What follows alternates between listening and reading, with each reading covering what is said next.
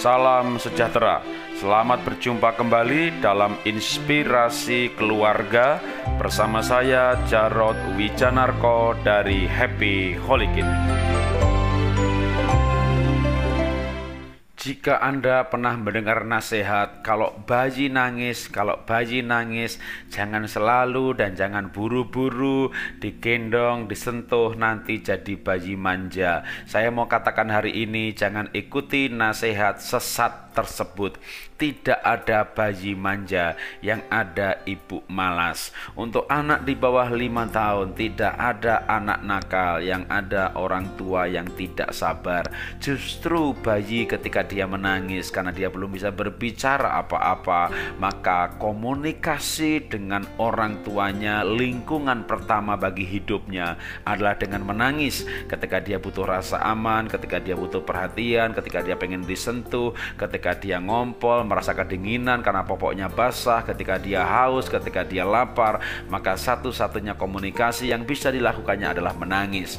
Karena itu kalau bayi menangis, maka segeralah datang dan lihatlah apa yang dibutuhkan dan penuhilah kebutuhan itu maka bayi akan tumbuh dengan rasa aman yang luar biasa bayi yang tumbuh dengan rasa aman dia akan berani mengeksplorasikan dia akan sibuk mengeksplorasikan fungsi-fungsi kecerdasannya.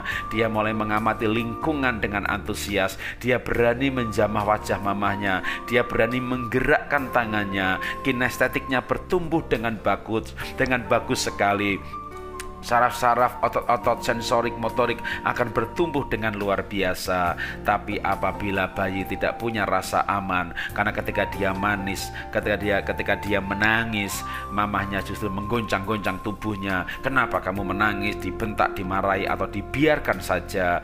Maka ini bayi akan tumbuh dengan rasa tidak aman dan itu membuat dia akan sibuk untuk memenuhi kebutuhan psikologisnya dan bukan sibuk mengeksplorasi mengeksplorasi kemampuan-kemampuan kecerdasannya.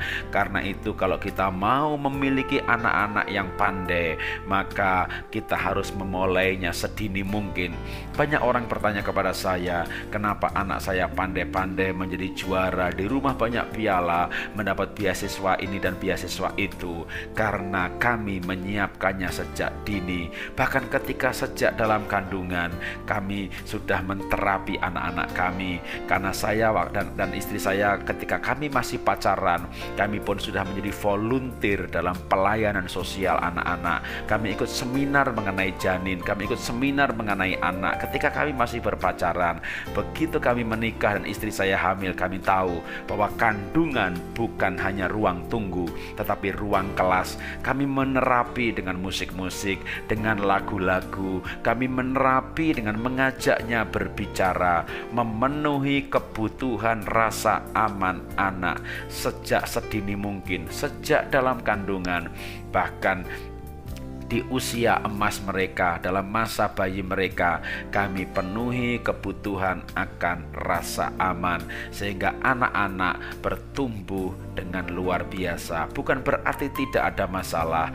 tapi anak-anak dengan rasa aman cenderung menjadi anak-anak yang baik, anak-anak yang mudah, tapi anak-anak yang yang kekurangan rasa aman, dia akan tumbuh menjadi anak-anak yang sulit, sulit makan, sulit tidur, sulit toilet training, makan dilepeh, nggak mau makan ini, nggak mau makan itu, sulit diajak berbicara, sulit tidur, mudah bangun, sulitnya tidurnya, sulit bangunnya mudah, oh menyusahkan orang tua. Ini sebenarnya adalah bentuk-bentuk kekurangan rasa aman dari si bayi. Karena itu, mari kita menjadi orang tua yang bijaksana menjadi orang tua yang bijaksana, membangun sebuah keluarga yang bahagia dan kokoh, dan itu menyiapkannya sejak usia dini, bahkan sejak ketika anak-anak masih bayi, dengan memenuhi kebutuhan mereka akan rasa aman, dan itu dengan cara kita berikan waktu, berikan perhatian, berikan sentuhan, berikanlah apa yang anak butuhkan. Kalau memang kita bisa melakukannya, buang rasa malas. Sebagai orang tua, buang rasa malas buang rasa tidak siap untuk punya anak, tapi tangani anak dengan kasih, kita akan menghasilkan generasi baru yang luar biasa. Itulah tadi inspirasi keluarga dari saya Jarod Wijanarko dari Happy Holy Kid. Salam sukses luar biasa.